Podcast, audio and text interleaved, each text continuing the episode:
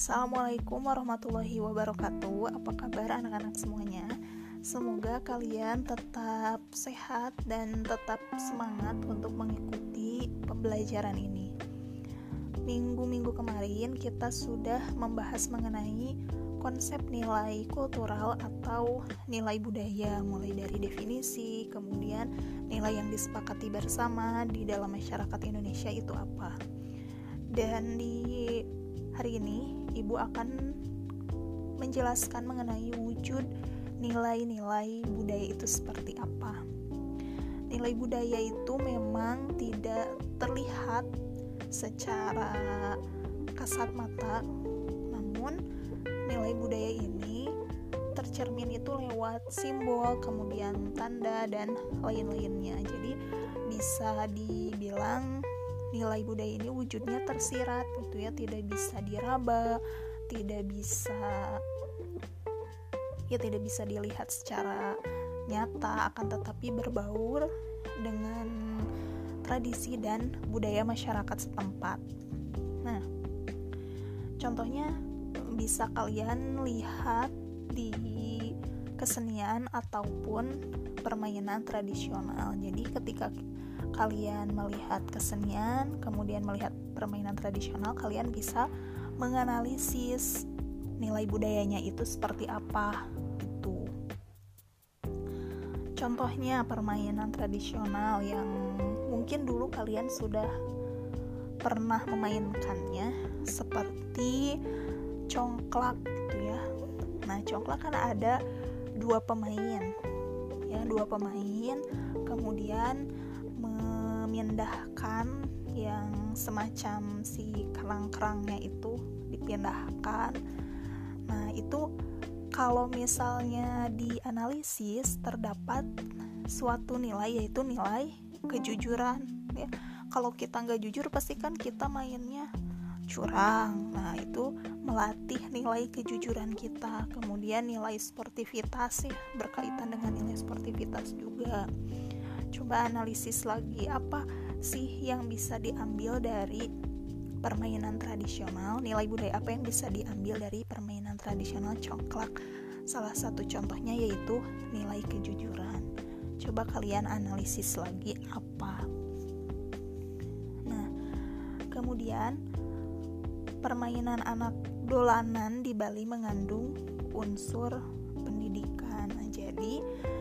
permainan dolanan di Bali ini kan bernyanyi sambil menari ya untuk bersenang-senang bagi anak-anak di Bali. Nah, kalau kita analisis hal tersebut mengandung pendidikan, disiplin, etika, kemudian estetika karena kan e, mereka memainkan barong ya. Jadi e, di dalamnya itu harus ada rasa disiplin, etika, dan estetika sehingga nilai-nilai tersebut bisa kita ambil dan diterapkan dalam kehidupan sehari-hari. Makanya selain kita bisa menganalisis, tentunya kemampuan kepekaan kita harus terasah untuk menganalisis, uh, mengambil nilai-nilai apa yang terjadi dalam kehidupan sehari-hari harus berlatih jenis nilai budaya di sini memang e, terbagi lagi ya, banyak yang mengelompokkannya. Kalau menurut Kencaraningrat ini, nilai budayanya dapat dikelompokkan ke dalam lima pola. Yang pertama, nilai budaya dalam hubungan manusia dengan Tuhan, kemudian manusia dengan alam, manusia dan masyarakat, kemudian manusia dengan orang lain atau sesama, dan yang terakhir nilai budaya dalam hubungan manusia dengan dirinya sendiri. Jenis-jenis nilai itu dapat dibagi berdasarkan sifat, kemudian ciri, dan tingkat keberadaannya. Kita bahas dulu yang pertama berdasarkan sifat.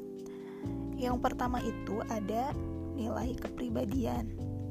Nah, nilai kepribadian ini yang merupakan nilai yang membentuk kepribadian seseorang. Contohnya apa?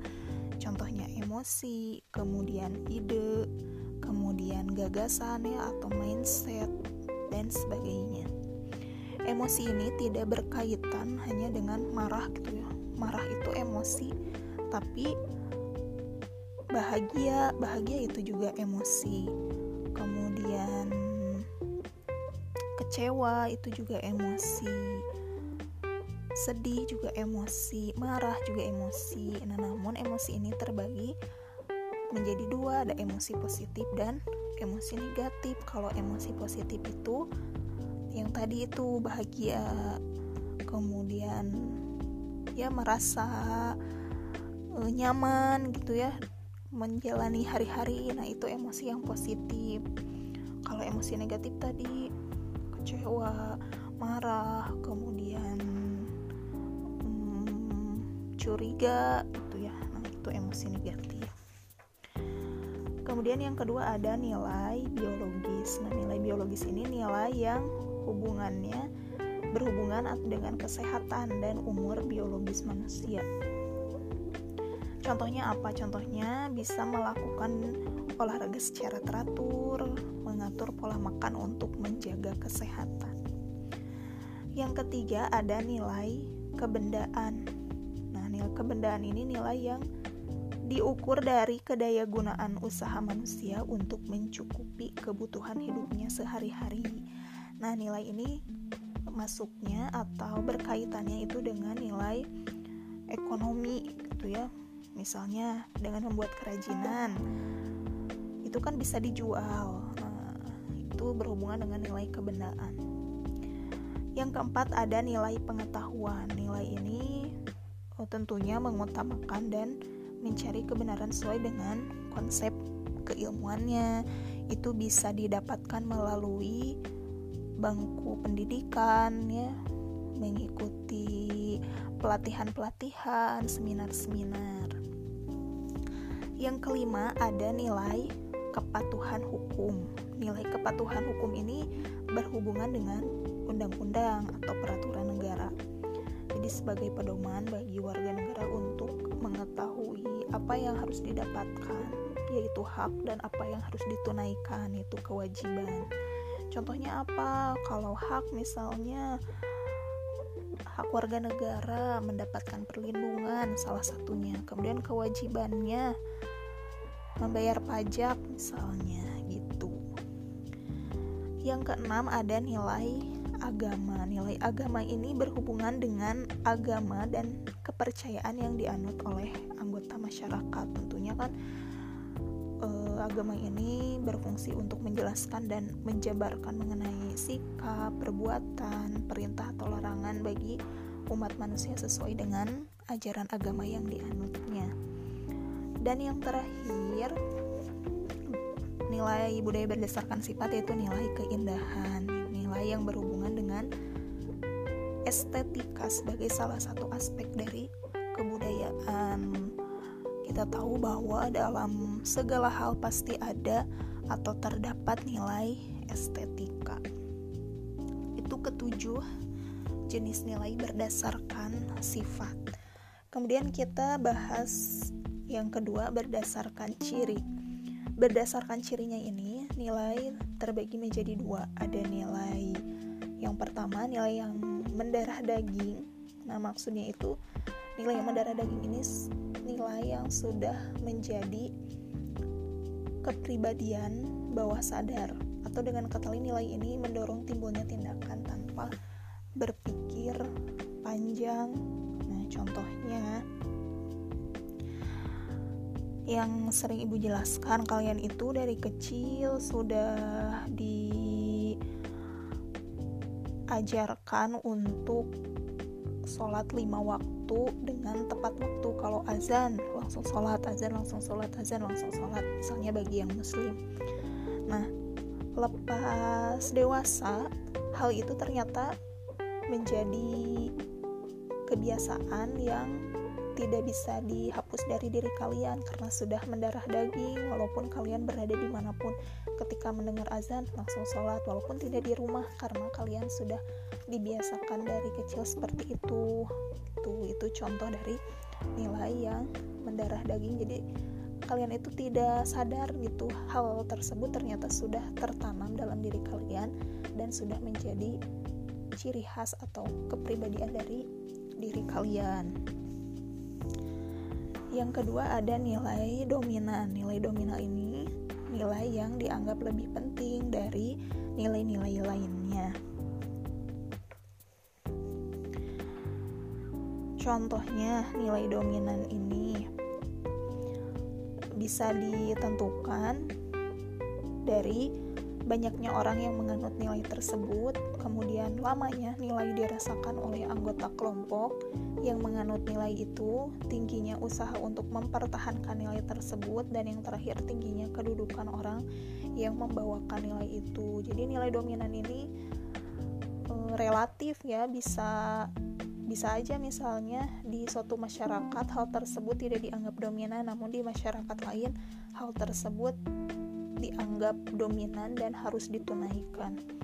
Misalnya seperti di masyarakat modern, nilai pamali itu kan sudah tidak dipakai karena dianggapnya tidak dominan gitu ya. Sudah tidak banyak lagi orang yang menganut hal tersebut. Kemudian ya sudah dianggap hal yang lumrah maksudnya apa sih gitu ya karena sudah pemikirannya jauh lebih modern berbeda lagi dengan masyarakat adat pamali ini dianggap sebagai nilai yang dominan. Karena di sana pamali itu masih banyak yang menganutnya. Kemudian eh, ketua-ketua adat masih membawakan nilai tersebut dari si pamali ini. Jadi pamali ini kalau di masyarakat modern dianggap bukan nilai dominan, kalau di masyarakat adat hal tersebut dianggap sebagai nilai yang dominan yang harus dikerjakan atau yang tidak boleh dilarang. Dan yang terakhir ada jenis nilai berdasarkan tingkat keberadaannya. Di sini ada nilai yang berdiri sendiri. Jadi nilai yang berdiri merupakan nilai yang diperoleh semenjak manusia atau benda itu ada memiliki sifat khusus yang akhirnya muncul karena memiliki nilai tersebut. Nah, nilai yang berdiri sendiri ini jadi dari awal tuh emang udah ada gitu. Contohnya pemandangan alam yang indah, kemudian misalnya manusia yang cantik atau tampan. Jadi sudah ada dari awalnya itu tidak dibuat-buat. Dan yang kedua yaitu antonimnya nilai yang tidak berdiri sendiri. Jadi nilai ini diperoleh suatu benda atau manusia karena bantuan dari pihak lain. Contohnya kalian itu pengen pinter, nah pasti kan harus membutuhkan seorang guru itu. Terus pengen cantik harus membutuhkan misalnya pengen cantik di kegiatan pensi misalnya eh pensi atau perpisahan berarti kalian harus membutuhkan jasa rias itu ya tukang rias. Nah, gitu. Pokoknya nilai yang tidak berdiri sendiri ini kan namanya juga tidak berdiri sendiri berarti membutuhkan bantuan orang lain. Gitu ya. Nah jadi jenis nilai-nilai budaya juga bisa dikelompokkan ke dalam tiga kelompok. Yang pertama berdasarkan sifat, ada nilai kepribadian, kemudian nilai biologis, nilai kebendaan, nilai pengetahuan, nilai kepatuhan hukum, nilai agama, dan nilai keindahan. Kelompok yang kedua ada berdasarkan ciri, ada nilai yang mendarah daging dan nilai dominan. Kemudian kelompok yang terakhir ada berdasarkan tingkat keberadaannya. Ada nilai yang berdiri sendiri dan nilai yang tidak berdiri sendiri. Nah, segitu aja dulu. Kalian coba latih kepekaan kalian, kepekaan dalam menganalisis segala hal nilai budaya maupun nilai-nilai yang lain dalam fenomena kehidupan sehari-hari jadi sebagai anak bahasa dan budaya nih kalian itu harus lebih peka mengambil pelajaran atau mengambil nilai yang ada dalam kehidupan sehari-hari. Contohnya seperti fenomena matahari terbit dan tenggelam. Kalian bisa um, peka dan menganalisis oh iya ya kehidupan itu tidak selalu berada di bawah ya. Kan kita lihat matahari kemudian kan besoknya terbit ternyata kehidupan juga seperti itu. Tidak selamanya kita di bawah namun ada saatnya kita di atas. Ada saatnya kita di atas tidak selamanya di atas ada saatnya kita di bawah itu kemudian matahari dari matahari juga kalian bisa melihat bahwa ada dua sisi ada terang ada gelap ada senang ada sedih.